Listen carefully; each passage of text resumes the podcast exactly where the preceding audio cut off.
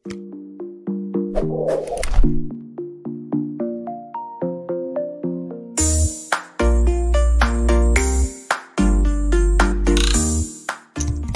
ini didukung oleh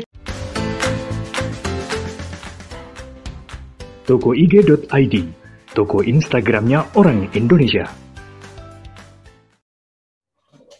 Salam bahagia kerabat desa Indonesia kembali bertemu lagi dengan saya. Jadi kerabat desa mungkin akan semoga nggak bosan karena pagi-pagi itu ritual paginya TV desa itu barengan sama Suryo Koco jam 7 pakai kopiah gitu kan. Jam 8 udah pakai pelanton, lepas ini udah nggak pakai pelanton, nggak pakai kopiah jalan-jalan. Pagi ini kita akan ketemu Eh, dengan kepala desa yang sudah dua periode dan menurut undang-undang desa bisa tiga periode, semoga nanti dilancarkan di tiga periode selama desanya memang menjadi lebih baik, ya kenapa harus berganti orang sampai pada batas yang diizinkan. Nah, sudah bergabung dari Kades di Madiun, Desa Sukorejo. Ya kabarnya Mas? Alhamdulillah sehat. Alhamdulillah sehat Mas. Hmm. Sehat. Ini Gresik, ralat Gresik. Oh Gresik, wah ini si redaksi ini piye. Oke Gresik, Mas. Piye kabarnya? Alhamdulillah saya Pak Koco. Orang no Covid ya? Oh, Sukorejo alhamdulillah desaku menjadi juara Kampung Tangguh se-Jawa Timur. Jadi hijau. Wih, Kampung Tangguh ini mergone apa? cerita cerita kampung Tanggosik ini berarti karena Pak Kades ini dulu apa sempat bareng-bareng ketemu sama saya di masa lalu. Kita bicara ke depan aja gitu kan. Kita bicara ke masa depan alhamdulillah Kades dua periode dan semoga nanti sampai ke tiga periode dengan kemajuan-kemajuan desanya. Desa tangguh. Tangguh berarti tangguh melawan covid. Kalau si tante corona. Iya. Ceritanya? Pak? Ya, Boleh jadi, berbagi cerita untuk jadi inspirasi teman-teman dan ada cerita tentang bantaran sampah barang ini. Iya, jadi oh, ceritanya. Hmm. Gini Pak Kojo ya, saya mau saya cerita ya. Ya. Jadi saya ninggalin Jakarta tahun 2008. Oke. Okay. Ya, nama saya di Jakarta dulu panggilan saya Gusman. Gusman hmm. itu nama saya dulu panggilan tenar saya di Jakarta. Oke. Okay. Terus jadi kepala desa 2008 Kenapa? Karena desaku tidak ada yang jadi kepala desa, karena tidak ada bengkoknya, tidak ada untuk buat kesejahteraan kepala desa nah, maupun. Kalau yang mancung, eh? Tidak ada yang maju. Tidak ada. Jadi nah. akhirnya saya muncul. nah, kita ngomong Kampung Tangguh. Kampung Tangguh ini ide dari Pak Kapolda Jawa Timur, Pak Fadil Imran. Ah. Jadi beliau itu mempunyai gagasan besar bagaimana untuk mencegah corona ini Eh, menjadi tanggung jawab kita semua. Hmm. Nah, yang paling dekat dengan rakyat itu kan desa atau kepala desa. Ya. Dan Kampung Tangguh ini uh, kampung yang bersikap tanggap terkait dengan sesuatu yang berkenaan dengan COVID-19. Nah, kan itu ya. Jadi uh, protokol kesehatan itu kita terapkan di Desa Skorjo dan kemarin dua minggu yang lalu Desa kami menjadi pemenang lomba kampung tangguh tertib lalu lintas untuk tingkatan Jawa Timur. Nah, itu. Hmm. Dan kami menginisiasi tanggap COVID-19 itu mulai Februari. Oh. Jadi saya dianggap orang yang uh, istilahnya melakukan dulu pencegahan sebelum pemerintah itu tanggap. Jadi Februari saya sudah mengumpulkan masyarakat. Saya ngomong bahwa di Wuhan ini saya yakin akan menyebar ke seluruh dunia dan itu ternyata benar gitu loh. Jadi saya lebih tangkap dulu dari dari pemerintah itu loh. Tapi Jadi, orang nggak lockdown lockdown barang kan? Apa lo lockdownnya barang? Yang genah eh? Februari jauh wis lockdown, eh? Jadi lockdown desa piye? Enak goyang-goyang, kan jenenge kanca lawas wis kewaca iki dolanan apa jenenge sikap dulu Pak Kojo langkahnya kan seperti apa eh? Ya jadi bentuk langkah kami itu pertama kita menyadarkan kepada masyarakat bahwa virus ini benar-benar ada itu di tengah-tengah kondisi rakyat yang menganggap bahwa ini adalah serba politik gitu loh apa kita tanamkan bahwa virus ini memang ada dan Februari saya sudah membentuk satgas baru Maret pemerintah mengumumkan bahwa Indonesia memang terdampak COVID. Jadi duluan Sukoharjo daripada Indonesia. Berarti berarti Lurai Sukoharjo luwe bisa memandang visi masalah perang ini dengan COVID itu melebihi apa kecepatan visinya Presiden karo Menteri Kesehatan. Kaya kaya ngono, kaya ngono Pak Kojo. Eh, bahaya. Arab jadi calon bupati apa Arab jadi langsung calon presiden kalau empat Ya mudah-mudahan lah. Gantungkan kata Bung Karno kan gantungkan cita-cita itu setinggi langit. Kenapa tidak kan gitu sih? Oh iya dong. Kalau menggantungkan cita-cita harus setinggi langit karena kalau umpama pun tidak tercapai kan bisa nyangkut nongwit kan nah gantengin akan wit dari buat kang isar oke balik ke ama ke uh, juara tangguh uh, indikator-indikatornya apa itu sebenarnya ketika kemudian desa sampean dianggap apa uh, di dinobatkan sebagai apa desa tangguh. Jadi kami mewakili mungkin mewakili masyarakat Gresik ya. Hmm. Bahwa memang ide Pak Kapolda itu luar biasa. Hmm. Jadi kepala desa diminta untuk uh, membuat satgas, membuat langkah-langkah untuk menanggulangi pencegahan corona.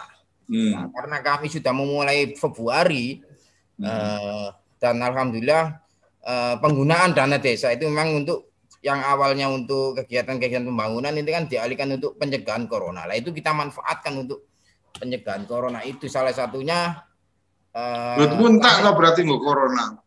Apanya? Duit duitmu habis buat corona. Duit dana desa itu habis untuk itu. Kan habis karena pemerintah corona. menginginkan untuk itu. Jadi tahun 2020 ini tidak hmm. ada bangunan fisik pun yang kita lakukan. Semuanya untuk mencegah corona BLT, semuanya itu. Masalah-masalah waktu ada pendistribusian yang dari apa Kementerian Sosial dan seterusnya yang di beberapa desa itu ada sempat ada tumpang tindih di desa Saman kayak apa mas? Semua uh, terdistribusi dengan baik atau ada uh, ada juga satu orang bisa dapat dari beberapa sumber dan seterusnya? Ya, memang ketika ngomong sempurna kan tidak mungkin sih pak. Ada oh, iya. yang kagungannya Gusti Allah kuwi sempurna. ada baru.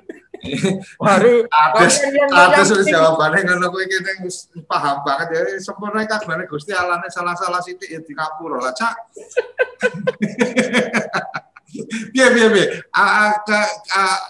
Sampean kan di desa kan desa jadi juara untuk itu. Artinya kita kan juga mesti terbuka artinya memberikan pemahaman juga kepada teman-teman kerabat desa yang menyaksikan ini bahwa oh iya ada masalah di sini tapi kita mencoba menyelesaikan dengan cara ini dan seterusnya.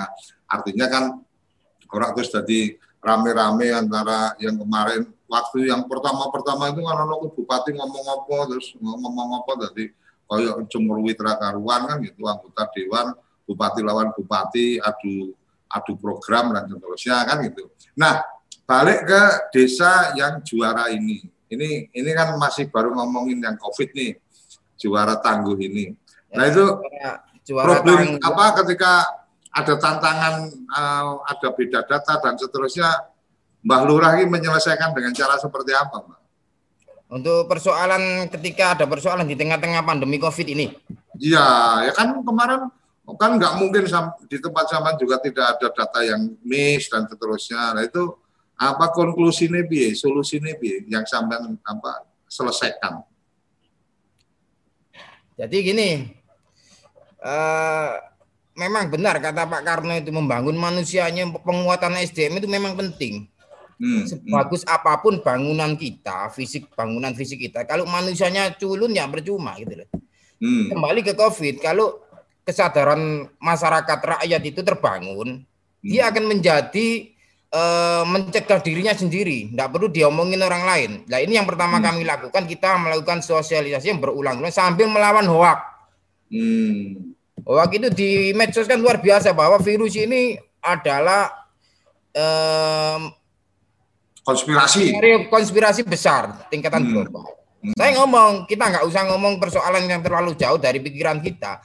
Yang jelas korban ini sudah banyak Hmm. Saya ngomong gitu. Secara logika pemimpin-pemimpin dunia juga juga banyak yang ngomong gitu loh.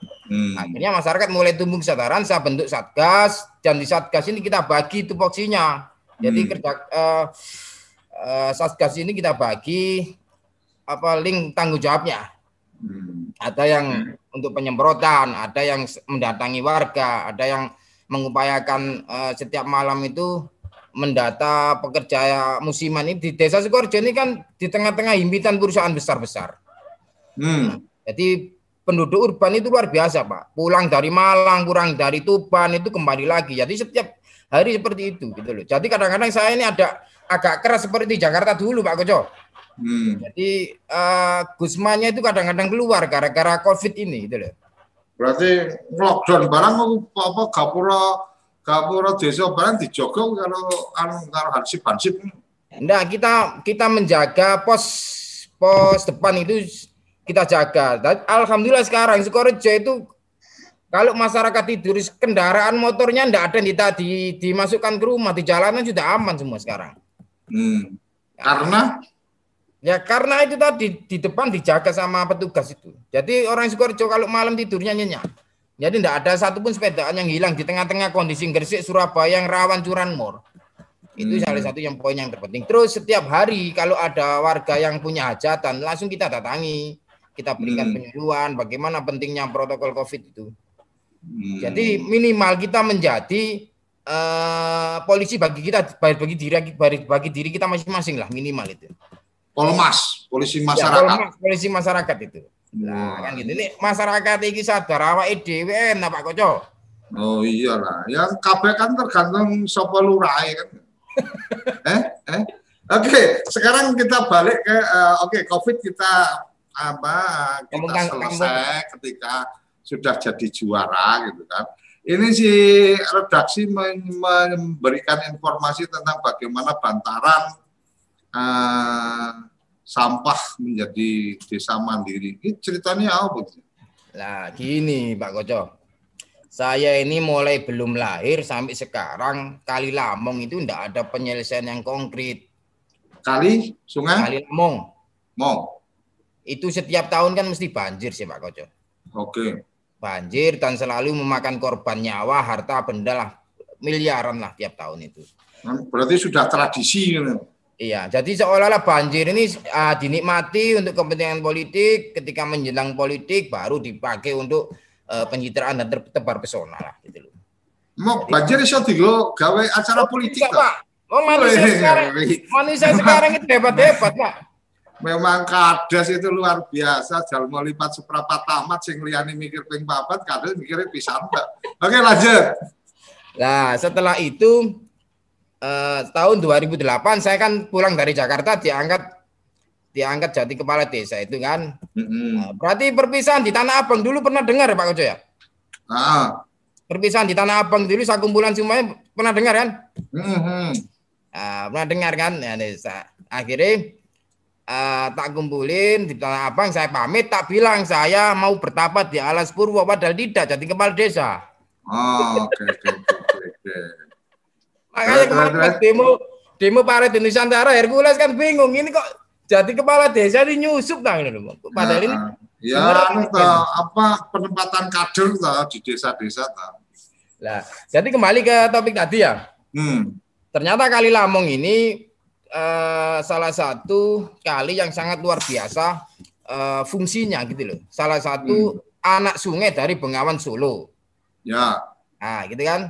Terus di muara tempat desa saya itu Kali Lamong ini menjadi eh, pelabuhan besar di Gresik. Ada Pelindo, ada Semen Gresik, ada Pe- pelabuhan Gresik dan sampai men- masuk juga ke wilayah JP yang terkenal sekarang itu.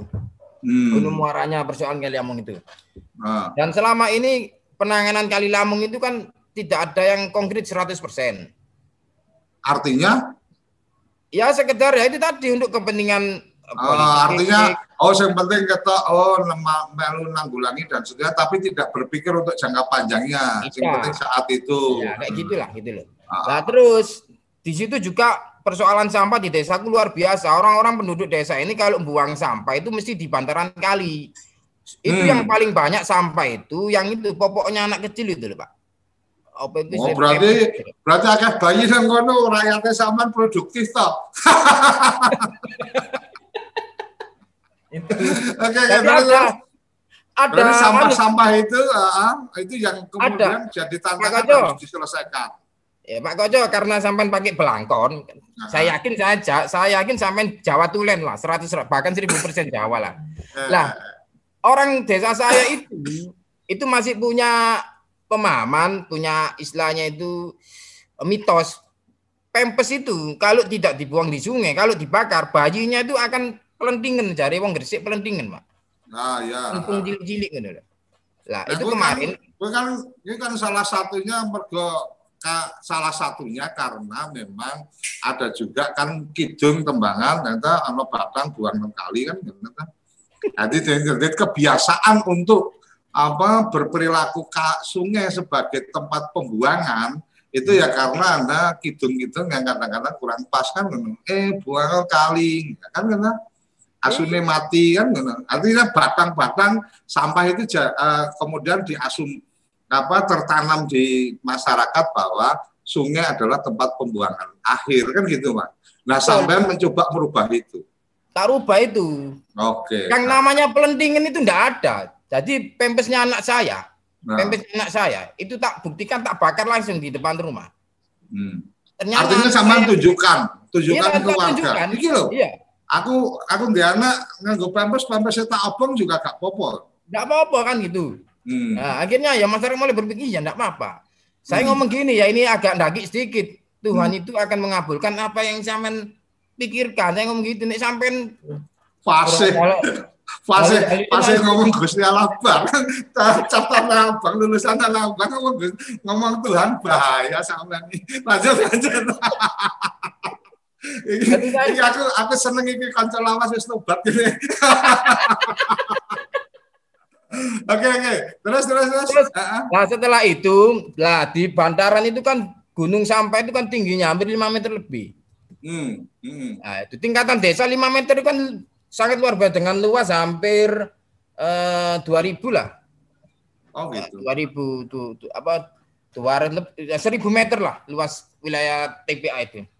Lah Hmm. akhirnya datang teman saya itu Pak Agus itu membawa konsep dia gandeng petrokimia, PT Petrokimia Gresik itu loh.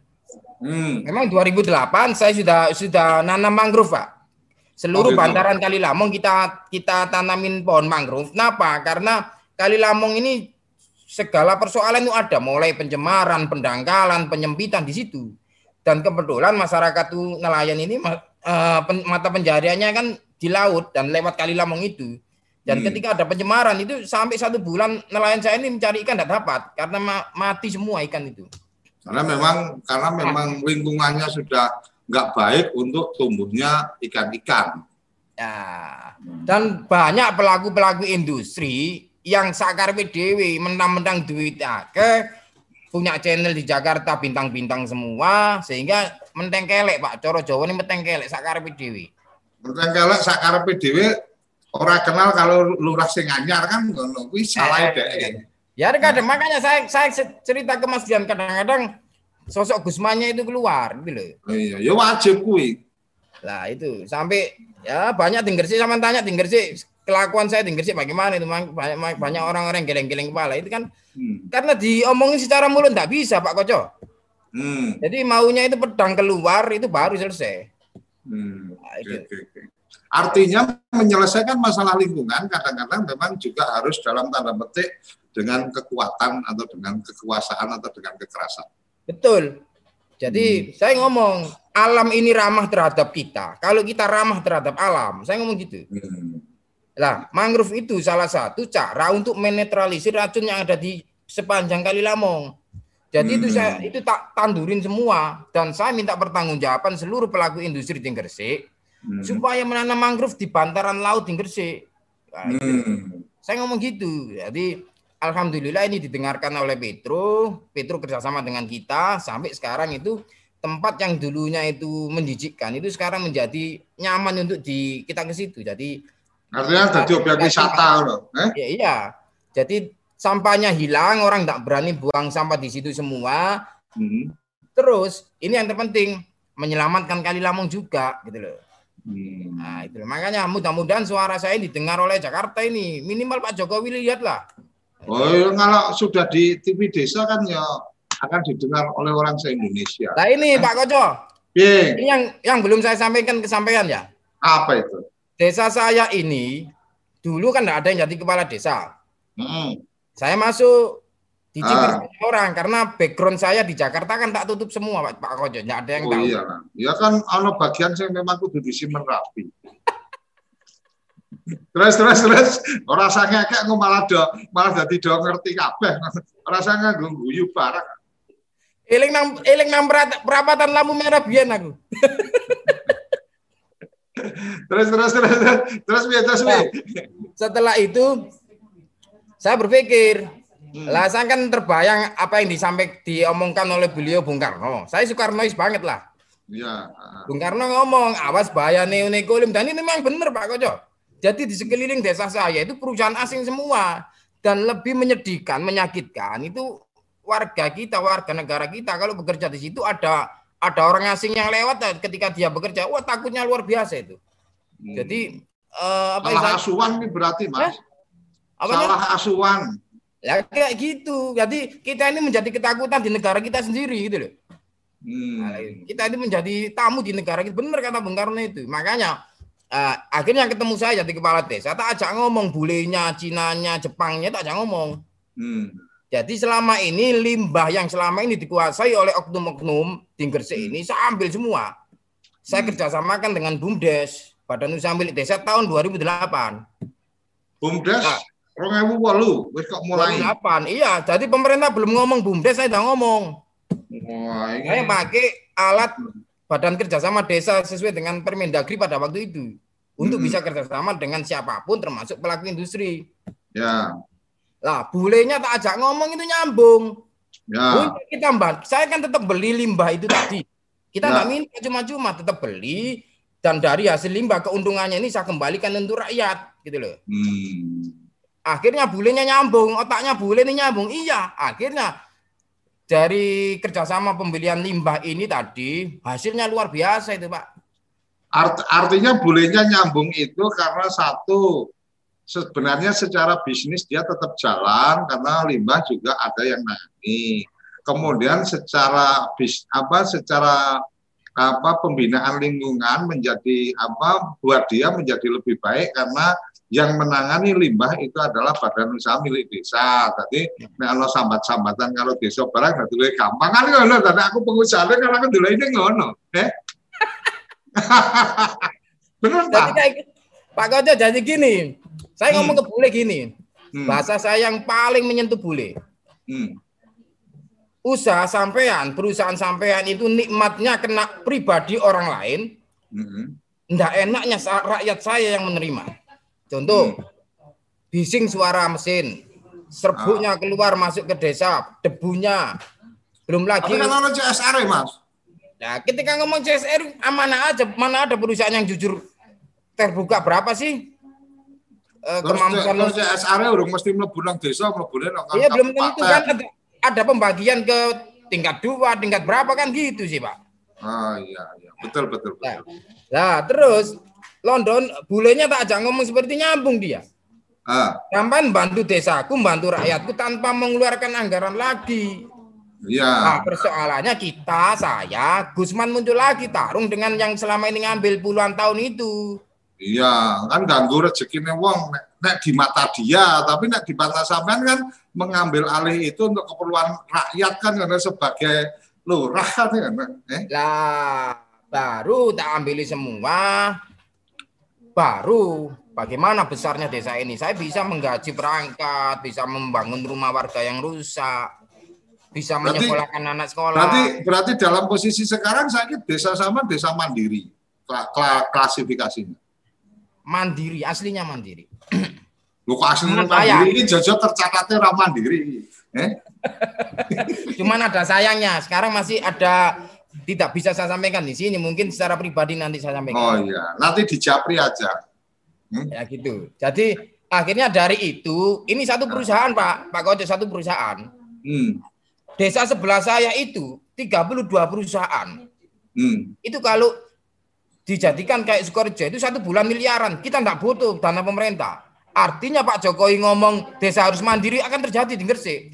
Persoalannya itu banyak yang menghambat. Siapa yang menghambat? Ya oknum-oknum elit-elit yang ada di Gresik. Nah, se se se se, mergo iki wis setengah jam, nah. Iki tak rehat sih. Nanti kita bicarakan bagaimana hambatan-hambatan teman-teman kepala desa ketika kemudian akan menjadikan desanya mandiri, ternyata juga ada hambatan-hambatan. Jangan ke mana-mana, kerabat desa ini semakin seru ketemu kawan lama, kita akan bongkar. Nah, beliau yang bongkar kalau saya nggak bongkar.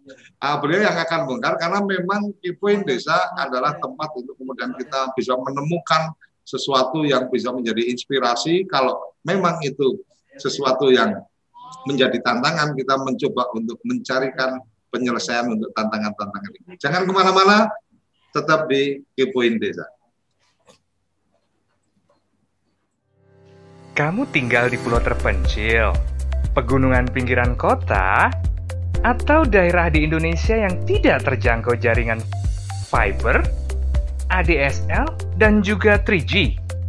Internetan dengan cepat pasti cuma akan menjadi mimpi. Mau pakai tol langit, pakai desa wifi, kunjungi www.desawifi.id.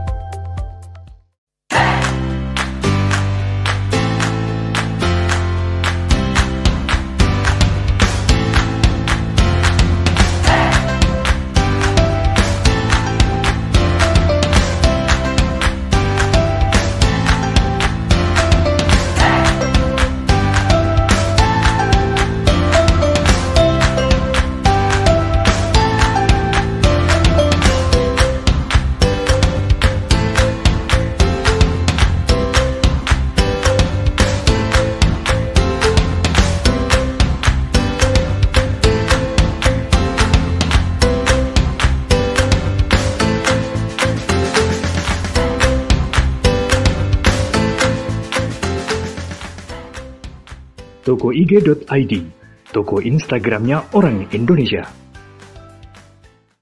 Ayo, kandidat kepala daerah, manfaatkan kesempatan ini. TV Desa mengundang Anda bicara desa. 5 menit bisa. Bicara Desa. Sebuah program tayangan monolog.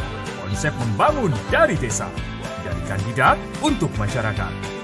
5 menit bisa. Bicara Desa hanya di TV Desa. Oke, kembali lagi di Kepoin Desa. Ini Kepoin Desa yang paling seru ketemu konsol lawas. Sekarang sudah jadi apa petinggi. Nah, kalau di daerah-daerah tertentu itu namanya petinggi. Jadi kalau ada di tempat lain namanya raja kan. Gitu. Jadi kepala desa itu sebenarnya sudah jadi apa ya bagian yang punya kekuasaan sangat luar biasa dengan undang-undang desa sebenarnya ada otoritas yang sangat luar biasa juga tentang pengaturan dalam skala desa.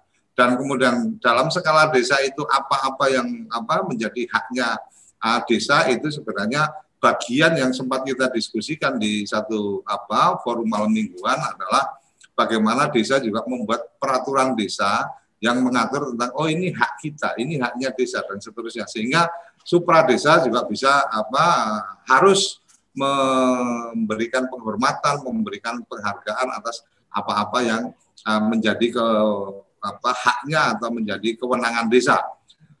Uh, peraturan Menteri 111 salah satunya yang sedang dilakukan revisi adalah bagaimana memberikan penguatan benar-benar ke desa hmm. untuk kemudian mengatur wilayahnya. Balik ke Mbak Lurah tadi. Mbak Lurah luar biasa ini. Jadi ketika kemudian uh, dilakukan langkah-langkah untuk kemudian bagaimana apa desa punya potensi untuk kemudian uh, punya pendapatan asli desa dengan badan usaha milik desanya, kemudian bagaimana juga apa uh, mengajak kepedulian dari apa industri yang ada di desa itu atau industri yang apa memberikan dampak ke desa itu untuk kemudian berkontribusi bagaimana memajukan desa dan seterusnya. Ini luar biasa tetapi tadi ada catatan menarik tadi bahwa ada desa yang lain yang sebenarnya potensinya lebih besar dari Sukorejo. Kemudian itu nggak bisa berlaku atau tidak bisa melakukan langkah-langkah seperti yang sampean lakukan. Apa itu hambatan terbesarnya apa sebenarnya? Ya, gini mungkin saya, saya cerita sedikit ya. Ya. Gresik itu daerah industri. Ya. Setiap desa mesti berimpitan atau bertandingan dengan industri. Hmm. Nah, konsep saya kalau kita ngomong aktivis ya, ya. ini kan semua semua adalah kapitalis ya, kapitalis. Ya. ya. Hmm. Nah, ketemu dengan pola pikir saya akan menjadi sosialis. Hmm. Saya buktikan di Sukoharjo. Hmm. Dengan kemitraan kami dengan perusahaan, hmm. desa mempunyai PAD besar, kita hmm. gunakan untuk kepentingan rakyat. Itu kan jadi sosialis. Sosialisme Terus, Indonesia. Kembali ke satu. Ya, jadi sosialis versi Gusman atau versi Indonesia lah. Iya. Lah, yang jelas, yang jelas kita kembali dulu kepada sosok kepala desanya dulu ini, Pak. Hmm, okay, okay. Saya dulu, saya dulu diangkat jadi kepala desa. Itu ketika disumpah, batin saya menangis, Pak. Oke. Okay. Kenapa? Karena di situ ada Al-Qur'an di atas kepala saya dan kata-kata yang diucapkan adalah demi Allah, bukan demi setan, tuh, Pak. Hmm. Demi Allah itu sumpah saya itu. Nah, itu saya jalani sampai sekarang. Makanya ketika dua periode, 12 tahun saya jadi kepala desa, rumah ndak punya, semua tidak punya. Ha, saya hanya makan untuk keseharian saya dari gaji yang dari pemerintah ditambah tunjangan-tunjangan dari internal desa. Hmm. Sampai 7 juta saya ini. Hmm. Lah ketika 7 juta saya saya simpan di saya dapat seperti itu di desa, bisakah saya beli rumah kan jelas tidak bisa sih Pak. Uang hidup tinggal sih aja 6 juta tidak cukup sebagai hmm. kepala desa. Makanya okay. ketika saya sampai sekarang tidak punya apa-apa itu sangat logis, sangat wajar. Artinya mendedikasikan penuh untuk keperluan desa. Tidak Betul, kemudian kan? ada peluang-peluang bisnis kemudian sampai yang ambil sebagai bisnisnya Pak Lurah kan kono. Loh, bisnis saya tidak mau apa pun bisnis yang mengatasnamakan kepala desa tidak mau itu melanggar sumpah jabatan saya. Hmm, Kalau okay. bisnisnya untuk kepentingan BUMDes monggo. Jadi banyak pelaku-pelaku industri yang kasihan terhadap saya mau ngasih tidak mau. Hmm. Ini tidak benar. Jadi ngurus apa pun di Sukorejo itu gratis, Pak. Karena saya nanamkan ke perangkat saya sampai sudah dibayar oleh negara dan dari negara itu dari mana? Dari rakyat duitnya itu semua. Jadi hmm. sampai ini adalah pelayani masyarakat. Saya hmm. bukan menjadi juragan masyarakat. Saya ngomong gitu. Lah itu penting sekali, Pak. Lah kebanyakan hmm. Di Gresik itu banyak oknumnya itu yang bermain untuk dirinya, bukan rakyatnya yang bermain gitu loh.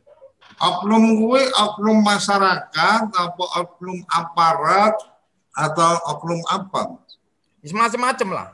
Hmm? Macam-macam yang saya itu. Ya itu semua itu ada. Yang sama semua kan ada semua. Oh gitu. Nah, saya buktikan di Sukorejo. Saya bentuk BUMDes. Limbah itu masuk ke BUMDes. Kita gunakan, kita terbuka, kita datangkan masyarakat. Eh, harta ini untuk apa?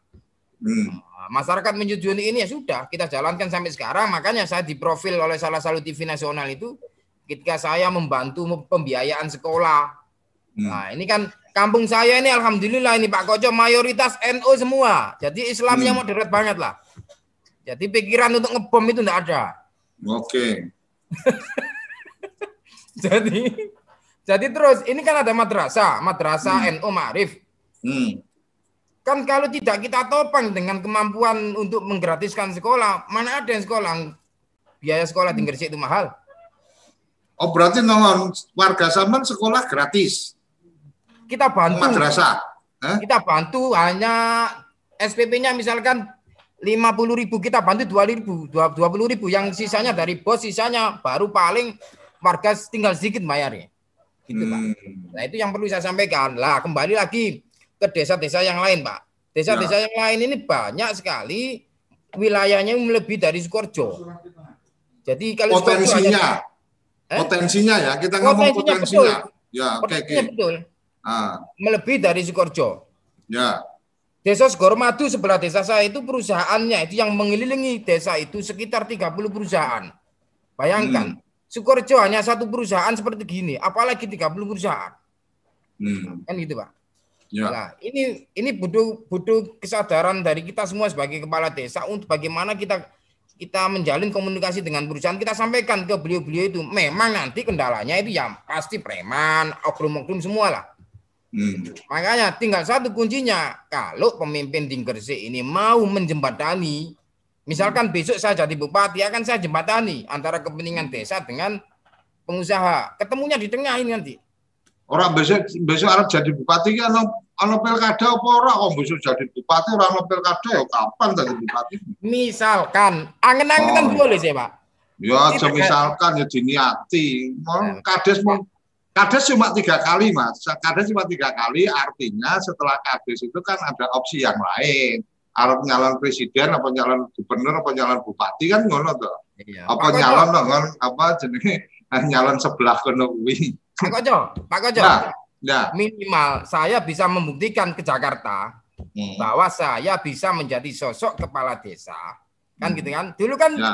di apes-apes no, ya, Pak, sama senior-senior itu, sesepuh-sesepuh itu. Hmm. Di apes-apes iso enggak iku meneh dadi lurah, ojo-ojo ngamplungi wong ae kan ngono sih, Pak. Iya. Nah, Tapi kan kan tapi kan di di Apesno itu kan lebih se- lebih se- sebagai tantangan bahwa nek kowe kowe ngomong koyo ngono kuwi tak tak apa saya tunjukkan bahwa apa yang kamu pikirkan itu salah. Kan ngono toh. Iya. Eh, pada akhirnya kan bisa membuktikan, ya kan? Oke, balik ke yang tadi. Kalau kita bicara eh, sekarang kan sudah taruh kata kita nggak akan ngomongin desa sebelah, tapi ngomongin desa sampean. Ya. Bahwa kemudian ada hambatan dari eh, oknum-oknum, mau di birokrasi, mau di aparat, mau di preman, mau di eh, ormas dan seterusnya. Sebenarnya kalau kemudian ada yang eh, kerabat desa yang kemudian sedang menemui hal yang kayak gitu, maka yang menjadi penting ketika ada di kepoin desa itu kan dia dapat ilmunya kan. Nah ilmu sampean bisa coba dibagikan lah. Orang kabeh juga nggak apa-apa, nggak semuanya nggak apa-apa, tapi coba dibagikan ke kerabat desa ketika menemui hambatan preman itu langkahnya kayak apa? Kalau menemui hambatan birokrasi langkahnya kayak apa? Coba mas, dibagi mas. Jadi gini, Pak. Mungkin Hmm. ini kalau tak ceritakan nanti gempar ini saya Indonesia ini.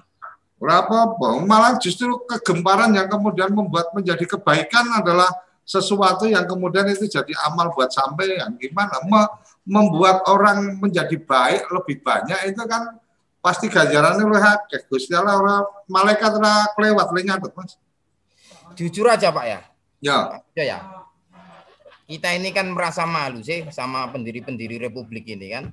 Ya. Kita ini hanya kita ini hanya melaksanakan meneruskan tofel apa estafet kepemimpinan kok cek suci angele sih. Kan hmm, gitu, Pak. ya, Jadi nama itu saya jadi kepala desa. Memang saya ingin membuktikan kepada senior-senior di Jakarta. Saya tidak ingin jadi terminator terus lah. Di Jakarta dulu kan terminator terus saya ini. ya, Untuk ke- saya yakin sampean pasti tahu lah hmm, bahwa yang saya lakukan dulu by desain negara untuk satu kepentingan juga kan itu sih. ya, Terus saya di, diminta cobalah di di di tes kembali untuk menjadi seorang pemimpin yang ada di desa. Saya pelajari ternyata desa itu miniatur negara. Oh iyalah jelas. Nah, dan ternyata maju dan tidaknya satu negara itu tergantung desa. Itu yang perlu Hmm. digarisbawahi. Jadi Ya, jangan betul. sekali-kali, jangan sekali-kali menganggap sepele persoalan ini, sepele. Saya Ya. ngomong ketika orasi, ketika orasi dulu di Jakarta kan saya ngomong, Hmm. SB kalau pulang ke desa derajatnya lebih rendah daripada kepala desa. Masih masih ingat Oh iya, kata-kata seperti benar itu? iya. Oh, siapa sih ngomong nek ora Gusman? Artinya memang di desa ini kalau kita boleh boleh belajar dari negara Cina lah. Bagaimana Cina itu maju? Karena diberdayakan semua, tidak ada satu yang dominan. Ya, Gitu loh. Dan di Gresik ini akhirnya ketemu formulasi saya, yaitu tadi pelaku-pelaku industri ini kalau kita ngomong disampaikan bahwa sampean nanti bisa berkiprah terhadap rakyat, terhadap negara, banyak sekali yang bisa dilakukan. Contoh kecil ketika limbah ini yang selama ini dinikmati oknum-oknum pribadi, mereka kaya semua loh Pak. Yang menikmati limbah itu kaya semua loh Pak. hmm. Eh, Kaya semua. Sementara rakyat artinya yang artinya hidup dari limbah aja bisa berkecukupan. Kenapa bisa. kemudian limbah itu tidak kemudian diserahkan pengelolaannya ke desa kan toh, Pak? Lah, BUMDes itu tidak perlu ngemis dana dari pemerintah. Cukup kita, pemerintah turun, misalkan bupati atau gubernur turun. Eh, dipetakan semua yang masuk wilayah kecamatan Bumas, yang masuk desa ini siapa, kan itu sih. Nah, Ini tolong kerjasama semua ini. Kaya raya Pak, nggak perlu dana desa. artinya ar- artinya ada yang menarik di sini adalah ketika kemudian Bumdes itu selalu berpikir mengembangkan karena ada potensi positif dari desa, artinya oh ini pemandangannya bagus, oh ini sumber airnya bagus dan seterusnya. Sebenarnya dari potensi yang dalam tanda petik negatif pun limbah-limbah itu pun itu juga jadi potensi untuk bisnis bumdes yang kemudian menguntungkan kan kok mas? Betul lah. Asas manfaatnya bukan pribadi, rakyat yang hmm. menerima. Hmm. Itu yang penting. Selama ini limbah-limbah ini diterima dimiliki oknum-oknum itu ya kayak semua orang-orang ini. Sementara rakyat ini menderita. Hmm, okay. Oknum ini tinggalnya di perumahan elit-elit. Sementara kita Sukorejo kena dampaknya kayak bising, serbuk, macam-macam lah. Hmm. Secara manusiawi, secara kita punya agama, itu temen lah, ini loh. Hmm. Mereka menari di atas penderitaan orang banyak. Lah, konsep ini. saya konsep saya ini tak bangun. Akhirnya londolong bule-bule ini berpikir bagus gitu loh. Artinya sebenarnya kita nggak harus antipati dengan apa orang-orang asing itu betul, tinggal bagaimana betul. kita membawa diri, bagaimana kita menempatkan diri dan bagaimana kita kemudian menawarkan uh, satu kerjasama yang saling menguntungkan kan loh mas? Betul. Jadi bulenya ngomong iya kita ini bantu masyarakat Sukorejo tidak mengeluarkan anggaran. Hmm. Pada waktu itu Pak sebelum Covid, sebelum dirusak sama oknum Desa Sukorejo satu bulan bisa mendapat 300 juta Pak per bulan Pak. Hmm. Ya, 300 juta kalau satu tahun berapa? 3 miliar terus, kan ya? Terus gara-gara Covid terus dia nggak kena Covid tuh berarti. Lah iyalah. Nah, itu itu kalau kita akan mendirikan bank desa untuk menghabiskan rentenir. Saya rencana seperti wes, mulai, wes mulai, sama wes mulai untuk menyiapkan bank desa. Loh ini makanya nanti ini saya butuh butuh ketemu senior senior di Jakarta untuk membantu ini. Saya buktikan nanti loh. Oh, Jadi ada ya, ada nanti, nanti kita bisa bikin forum khusus lah sampai ketemu karo senior-senior membahas tentang desa, idenya kayak apa, apa-apa iya. yang bisa dikolaborasikan. Oh, saya ini sekarang ini Pak Kojo berhadapan dengan aparat saya ini sekarang.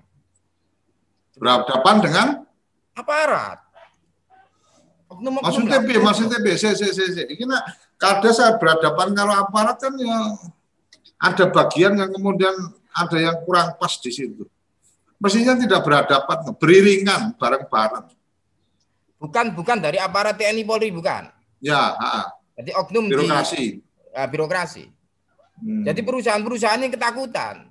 Kan kemarin kan tak paksa kembali untuk tak, tak minta kembali. Ayo kembalikan lagi kayak gitu loh. Hmm. Jadi nanti ada tak ceritakan. Ini sampai saya ke Pemda bawa pedang dulu ini. Wow, cerah. Kan kan enggak bisa cara mulu enggak bisa, ya, Pak. Gitu loh. Oh gitu. Jadi, Ya, ya akhirnya tak tantang semua di Pemda Gresik tak tantang semua itu. Artinya ada ada bagian-bagian, tapi kan sama juga harus memaklumi dong Mas, ketika kita bicara ini pandemi, ini Covid, ini apa memang ada biaya-biaya yang cukup besar yang harus disiapkan oleh Pemda, maka mungkin ada bagian-bagian itu yang kemudian terambil atau teralokasikan ke sana. Iya. Kan kan gini Pak Koco ya, sederhana nah. lah kita. Pemerintah seneng enggak ketika desa itu mandiri? Oh seneng enggak. Seneng kan? Hmm. Artinya desa itu bisa menghidupi dirinya sendiri tanpa tergantung dari pemerintah. Ya betul. Nah selama ini perusahaan-perusahaan asing itu mereka hanya mengeruk kekayaan tanpa mempedulikan kepentingan rakyat sekitar. Oke. Ketemu Aku saya. rampung dengan oh, setidaknya ada yang sudah sudah terselesaikan dengan tadi Saman bikin bumdes kan gitu. Terus? Betul betul. Ada beberapa perusahaan yang uh, unsur manusianya manusiawinya keluar dia. Oh ya, hmm. akhirnya dikasihkan kita. Nah dari ini desa ini menjadi mandiri. Makanya pilihan kedua kemarin pertama kan tidak ada lawannya saya, bumbung kosong. Pilihan hmm. kedua banyak lawannya karena income ke desa besar. Hmm. Oh iya lah. Oh, orang pilihan ketiga sama arpeng telu apa arpeng loro Ya nanti tergantung pusat aja lah. Senior no. minta-mintanya kayak apa kan itu. Yang yang penting saya sudah bisa membuktikan bahwa Gusman itu tidak hanya bisa dunia seperti itu, dunia seperti ini bisa gitu loh. Hmm, oke. Okay. Nah, gitu loh. Minimal Jakarta tahu dulu gitu loh. Ya. Jadi gitu. Nah terus ah, konsep saya ini tolong diadopsi oleh pusat, dikondisikan semua desa-desa yang berhimpitan dengan industri. Paling ketemu nih preman, oknum. Artinya ketika keputusannya dari perusahaan sebenarnya ngomong preman sama oknum juga selesai dong mas. Ibarat kata gini nih, aku yang punya perusahaan. Ya. Kemudian sekarang uh, menjual limbahnya ke preman. atau ke oknum, gitu kan? Ya. Ketika kemudian uh, keputusannya diaku sebagai pemilik perusahaan bahwa mengatakan oke okay, limbah sekarang dikerja apa ditangani oleh uh, BUMDes, janjinya kan harus rampung mas. Iya, ars artinya kan lebih enak. Cuman hmm. perusahaan ketakut ketakutan ketika ketika persoalan apa istilahnya administrasinya itu pasti dia dia digasak seperti itu. Oh, berarti ada ada sisi lain sebenarnya yang kemudian dilakukan adalah melakukan uh, penguatan atau melakukan pemahaman kepada perusahaan bahwa Anda menjadi lebih aman atau menjadi lebih nyaman ketika berhubungan dengan BUMDes kan loh Mas? Harusnya gitu. Jadi nurani perusahaan pengusaha-pengusaha itu sama seperti yang saya inginkan. Tapi mereka takut kalau tak kasihkan ini ini gimana Pak Lurah gitu loh. Kita nanti dipersulit ininya ininya gitu. Oke, berarti ini ini ada uh, ada yang menarik uh, kerabat desa. Jadi Gusman mungkin salah satu yang aku perlu sampaikan ketika kita mendorong bicara tentang undang-undang desa, salah satunya uh, kita dari teman-teman relawan desa waktu itu itu juga apa mendorong tentang uh, bagaimana positioning dari Badan Usaha Milik Desa. Sebenarnya apa yang Gusman tadi lakukan dan seterusnya itu adalah bagian yang memang waktu itu sudah apa sudah kita bayangkan. Artinya sudah kita bayangkan adalah ada industri di desa tetapi desa tidak mendapatkan manfaat. Harusnya bagaimana? Harusnya ketika badan usaha milik desa ini punya posisi legal sebagai badan hukum usaha, hmm. maka dia bisa kemudian me, dari perusahaan itu memberikan satu golden share umpamanya saham apa saham yang kemudian diberikan untuk uh, badan usaha milik desa sehingga ketika perusahaan itu maju desa juga akan mendapatkan. Itu satu. Yang kedua memang kemudian harus memberikan prioritas peluang-peluang bisnis itu kepada badan usaha milik desa. Ibarat kata oke okay, kita nggak ngomong tentang apa limbah. Kita ngomong tentang satu industri yang kemudian oh dia membutuhkan uh, sarana transportasi nih untuk rutin dia apa uh, bekerja sama dengan pihak luar untuk transportasi. Sebenarnya kan bisa juga perusahaan itu memberikan penunjukan atau memberikan kepercayaan kepada BUMDes untuk mengelola transportasinya umpamanya.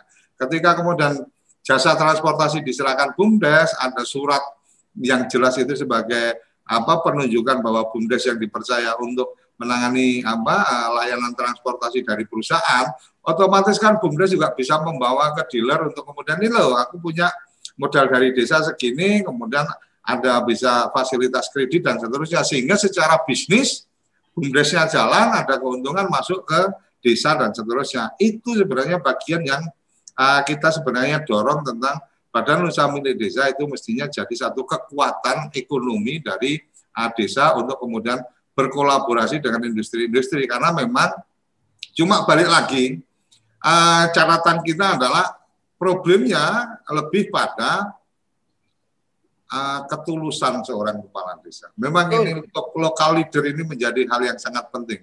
Karena ketika kemudian ketulusan kepala desa itu tidak ada untuk keperluan rakyat, maka peluang-peluang itu akan menjadi peluang bisnis dari para kepala desa. Artinya pejabat-pejabat uh, desa, uh, mau kepala desa, mau perangkat desa dan seterusnya, dia akan kemudian mencoba memanfaatkan peluang-peluang bisnis yang mestinya itu bisa untuk desa, itu kemudian jadi bisnis pribadi. Kira-kira yang dulu kita bayangkan kayak gitu, benar apa salah, Kak Man? Benar, benar. Jadi gini, uh, dulu kalau tidak salah aku jadi kepala desa kan dulu sempat pamit ke sampean juga kan? Ya, ya, ya, ya. Ingat kan kita ketemu di pertamburan itu kan ya? Ya. Pak Koco, saya nanti pulang mau jadi kepala desa. Sampean tertawa kan? Hmm. Saya masih ingat bagaimana ya saya enggak, nyalakan sampean ketika sampean uh, senyum kecut lah. Ya, ya kan kan ketemunya di terus ini tenanan arep dadi kades apa guyonan kan pada saat itu kan orang masih berpikir jadi kepala desa itu kan bukan sesuatu yang menarik kan. Hmm. Nah, saya kan ngomong, Pak, hmm. Saya ingin pulang. Kan cerita di desaku enggak ada yang mau jadi kepala desa kan gitu. Hmm. Padahal kalau panggil zaman kan kalau tidak salah Pak D ya. Hmm. Iya, Pak D ya, kan gitu ya. Hmm. Saya mau pulang dulu. Sama tertawa, mau mana Gus gitu kan. Nah, ini ini alhamdulillah ini walaupun 12 tahun saya jadi kepala desa dua periode saya tidak punya apa-apa. Dan yang paling dominan itu bukan lah, istri, bukan nggak punya apa-apa. Kak, karena orang orang itu yang mau dibawa juga apa kan gitu. Ya kan kalau zaman 12 tahun nggak punya apa-apa, zaman 12 tahun ini jadi punya nama gimana cerita. Jadi artinya artinya ukurannya kan tidak mesti materi. Kalau kalau nggak punya apa-apa ukurannya materi kan berarti pas arep pancung dari kades kan memang targetnya materi. Nah ini kan targetnya memang ya pengen berbuat sesuatu untuk desanya kan. Bro. sesuatu Iya. dan ingin membuktikan di Jakarta bahwa saya bisa, tidak hanya Terminator terus lah kan gitu. Hmm, hmm. Nah, jadi eh, alhamdulillah Pak, walaupun eh, ini ini penting juga untuk, untuk seluruh kepala desa. Hmm. Jadi saya saya ngalami pemimpin itu bisa jujur apa lurus lurus terus itu juga ada faktor yang paling dominan juga sosok istri juga Pak. Ketika Oh, ya? istrinya iya istrinya itu juga bisa menerima style saya eh, model Ora pira sama Gus? Hah? Siji wae ta? Apa pira? Iki sing genah. Panter akeh berangkat untuk ini. Oh, ngono ya. Ya wes, lanjut lanjut lanjut. Sing Jakarta sampai tutup. siap, artinya siap. Art- gini loh. Artinya memang oh kalau itu memang jadi hal yang penting. Artinya apa pun yang kita kerjakan ketika di rumah kita juga tidak selesai untuk kemudian artinya membuat suasana itu memang nyaman uh, sesuai dengan yang kita mau. Mimpilah artinya nek sama nang omah wae ora ora beres masa nang jopo iso beresi kan. Minimal minimal perilaku kita kalau kita ngomong dari sisi agama. Hmm. Saya mungkin berperilaku berperilaku, berperilaku kepingin zuhud lah. Nah, Zuhud kan istilahnya kan seperti itu. Dan istri saya menerima, mengiyakan, selesai. hmm. Jadi kadang kala ini saya cerita, kadang saya pernah beri beli beras nggak bisa saya. Hmm. Itu. Ya ini cukup, ini cerita sedikit, tapi bahkan teman-teman saya banyak yang bantu, saya nggak mau sudah lah. Ini harus saya terima. Konsekuensi sebuah nilai-nilai idealisme. Ya, Nah, ini ya. Dan saya yakin Tuhan itu tidak akan diam ketika hambanya itu berikhtiar terus. Saya ngomong gitu. Saya ngomong gitu. Alhamdulillah walaupun sampai sekarang enggak punya rumah, enggak punya apa, tapi badan saya sehat terus itu Pak Koco. Oh, iyalah. sakit kan gitu kan. Nah, itu kekuatan yang luar biasa. Jadi Pak Koco intinya gini, Hmm. desa-desa di Gresik itu berpotensi untuk menjadi desa mandiri dengan bypass, dengan cara cepat. Itu loh. dengan dengan meli, me- dengan sudah dicermati ada potensi-potensi mana yang itu mestinya jadi potensi untuk ditangani oleh badan usaha milik desa. Betul. Ini cerita limbah di pabrik sa- di desa saya itu ada kayu bakar, serbuk, Hmm. protolan. Lah dulu kemasan saya ini preman-preman yang dulu yang sempat ngambil itu tak jadikan orang ketiga. Jadi dari perusahaan saya diambil bumdes, bumdes diambil orang yang selama ini ngambil. Kan solusi tengah kompromi. Podo-podo enak. Eh, Artinya artinya ini ada ilmu baru tadi disampaikan bahwa ketika kita akan mengambil itu jangan juga bikin keruh. Mereka-mereka yang tadinya memang berbisnis di situ tetap diberikan ruang walaupun kemudian diberikan penyadaran bahwa ada bagian biarkan ada bagian ini yang kemudian masuk ke desa kan ngono Mas? Nah, itu asale eh, keuntungannya satu juta dibagi 500 untuk bumdes, 500 untuk dia kan enak sih pak. Sama-sama jalan. Lah ini ada yang ngotot nggak mau ya Gusmanya muncul. Hmm. Nah, gitu. Nah, kayak Sopo gitu. kowe sopo aku kan ngono. Eh? Lah iya ini kayak Ojo gitu. macem-macem. Oke oke oke oke. Nah. Oke, Gus. eh, ini gak kerasa wis sak jam kita ngobrol. Nah, tambah Mungkin- lagi dikit. Nah, mungkin gini, mungkin gini, lebih pada uh, closing statement atau uh, kata-kata terakhir apa kata-kata untuk penutup yang mungkin Saman bisa bagikan ke teman-teman kerabat desa yang menyaksikan acara ini untuk jadi inspirasi bahwa apa pun itu uh, ketika niatannya baik semua dilakukan dengan baik dan seterusnya pasti ada jalan dan seterusnya. Atau apa aja yang Saman ingin sampaikan pesan ke teman-teman kepala desa, teman-teman kerabat desa di seluruh Indonesia tentang bagaimana uh, kita harus berbuat untuk sebuah semangat memajukan desa sama seperti yang kita lakukan di Kepoin Desa semangatnya adalah bagaimana memuliakan desa-desa di Indonesia. Silakan, Gus. Sebelum saya ngomong eh, kata-kata mutiara ya untuk, Hmm. untuk motivasi ya. Ya, ya. Tolong eh, kegiatan ini bisa didengar oleh pusat Jakarta. tolong dibantu desa-desa yang selama ini mau seperti Sukorejo tapi terkendala. Hmm. Nah ini jalan satu-satunya pusat harus turun, entah itu dari aparat birokrasi atau aparat aparat yang intinya itu lebih dari Gresik lah. Ya. Untuk membantu. Kalau ingin desa itu mandiri dan kita buktikan, dan Sukorejo sudah bisa membuktikan bahwa Sukorejo bisa mandiri walaupun uh, tidak 100%. Hmm. Gitu Yang terpenting. Yang, yang terpenting kata-kata mutiara saya, ingat Ya. pangkat jabatan apa pun itu tidak akan langgeng dan semua itu pasti ada pertanggungjawabannya di dunia maupun di akhirat. Hmm. Nah, itu yang penting. Kalau ingin kita berbuat sesuatu di masyarakat, tolong sekali-kali, sekali lagi kepala para kepala desa tolong nawa itu niatnya tulus dan ikhlas.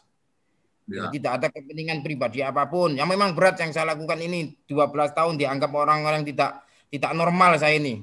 Itu loh. Jadi ingat jangan sampai kita menjadi orang yang melecehkan Tuhan. Di Indonesia itu banyak aparat yang melecehkan Tuhan, yang mempermainkan Tuhan. Kenapa? Karena ketika disumpah, itu sumpah janjinya tidak dilaksanakan sesuai ketika beliau diangkat menjadi pemimpin. Artinya melecehkan Tuhan di situ karena di sumpah kita ada ada Quran di situ, ada kata-kata Tuhan atau Allah di situ. Ya itu tolong penting itu. Dan kita nanti pasti dipertanggungjawabkan di hadapan Allah pasti itu. Oke. Oke. Nah, itu yang paling penting karena di negara kita ini hati nurani kita ini banyak yang tidak Hmm. sesuai semua. Oke, Itu matur nuwun. Matur nuwun Mbak Lurah luar biasa. Jadi closing statementnya. Hmm? Pak terakhir, terakhir. Oke, ya Mantan- silakan. Mantan preman itu lebih baik daripada mantan kiai. Itu yang paling penting. Oke oke oke.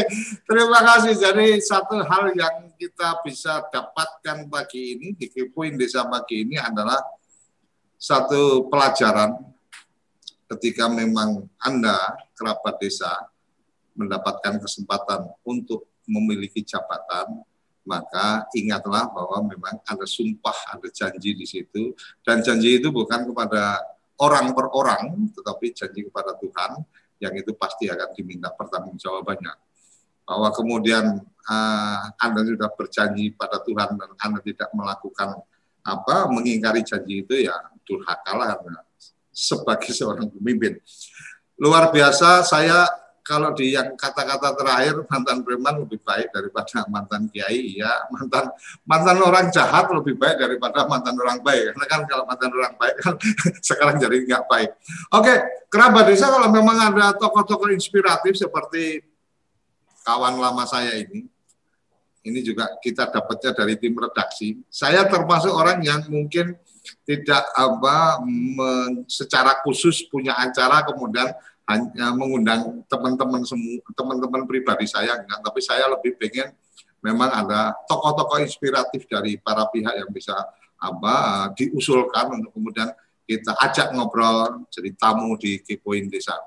Sampai di sini Kepoin Desa, Kepoin Desa selalu hadir pukul 8 sampai pukul 9 dan ide-ide atau usulan-usulan siapa yang uh, akan kita minta jadi tamu Uh, bisa dikirim ke WA 08 kali 01317160. Sampai di sini episode Kepoin Desa pagi ini yang seru ketemu kawan lama Gusman. Sampai jumpa di episode-episode berikutnya. Salam bahagia kerabat desa Indonesia. Terima kasih.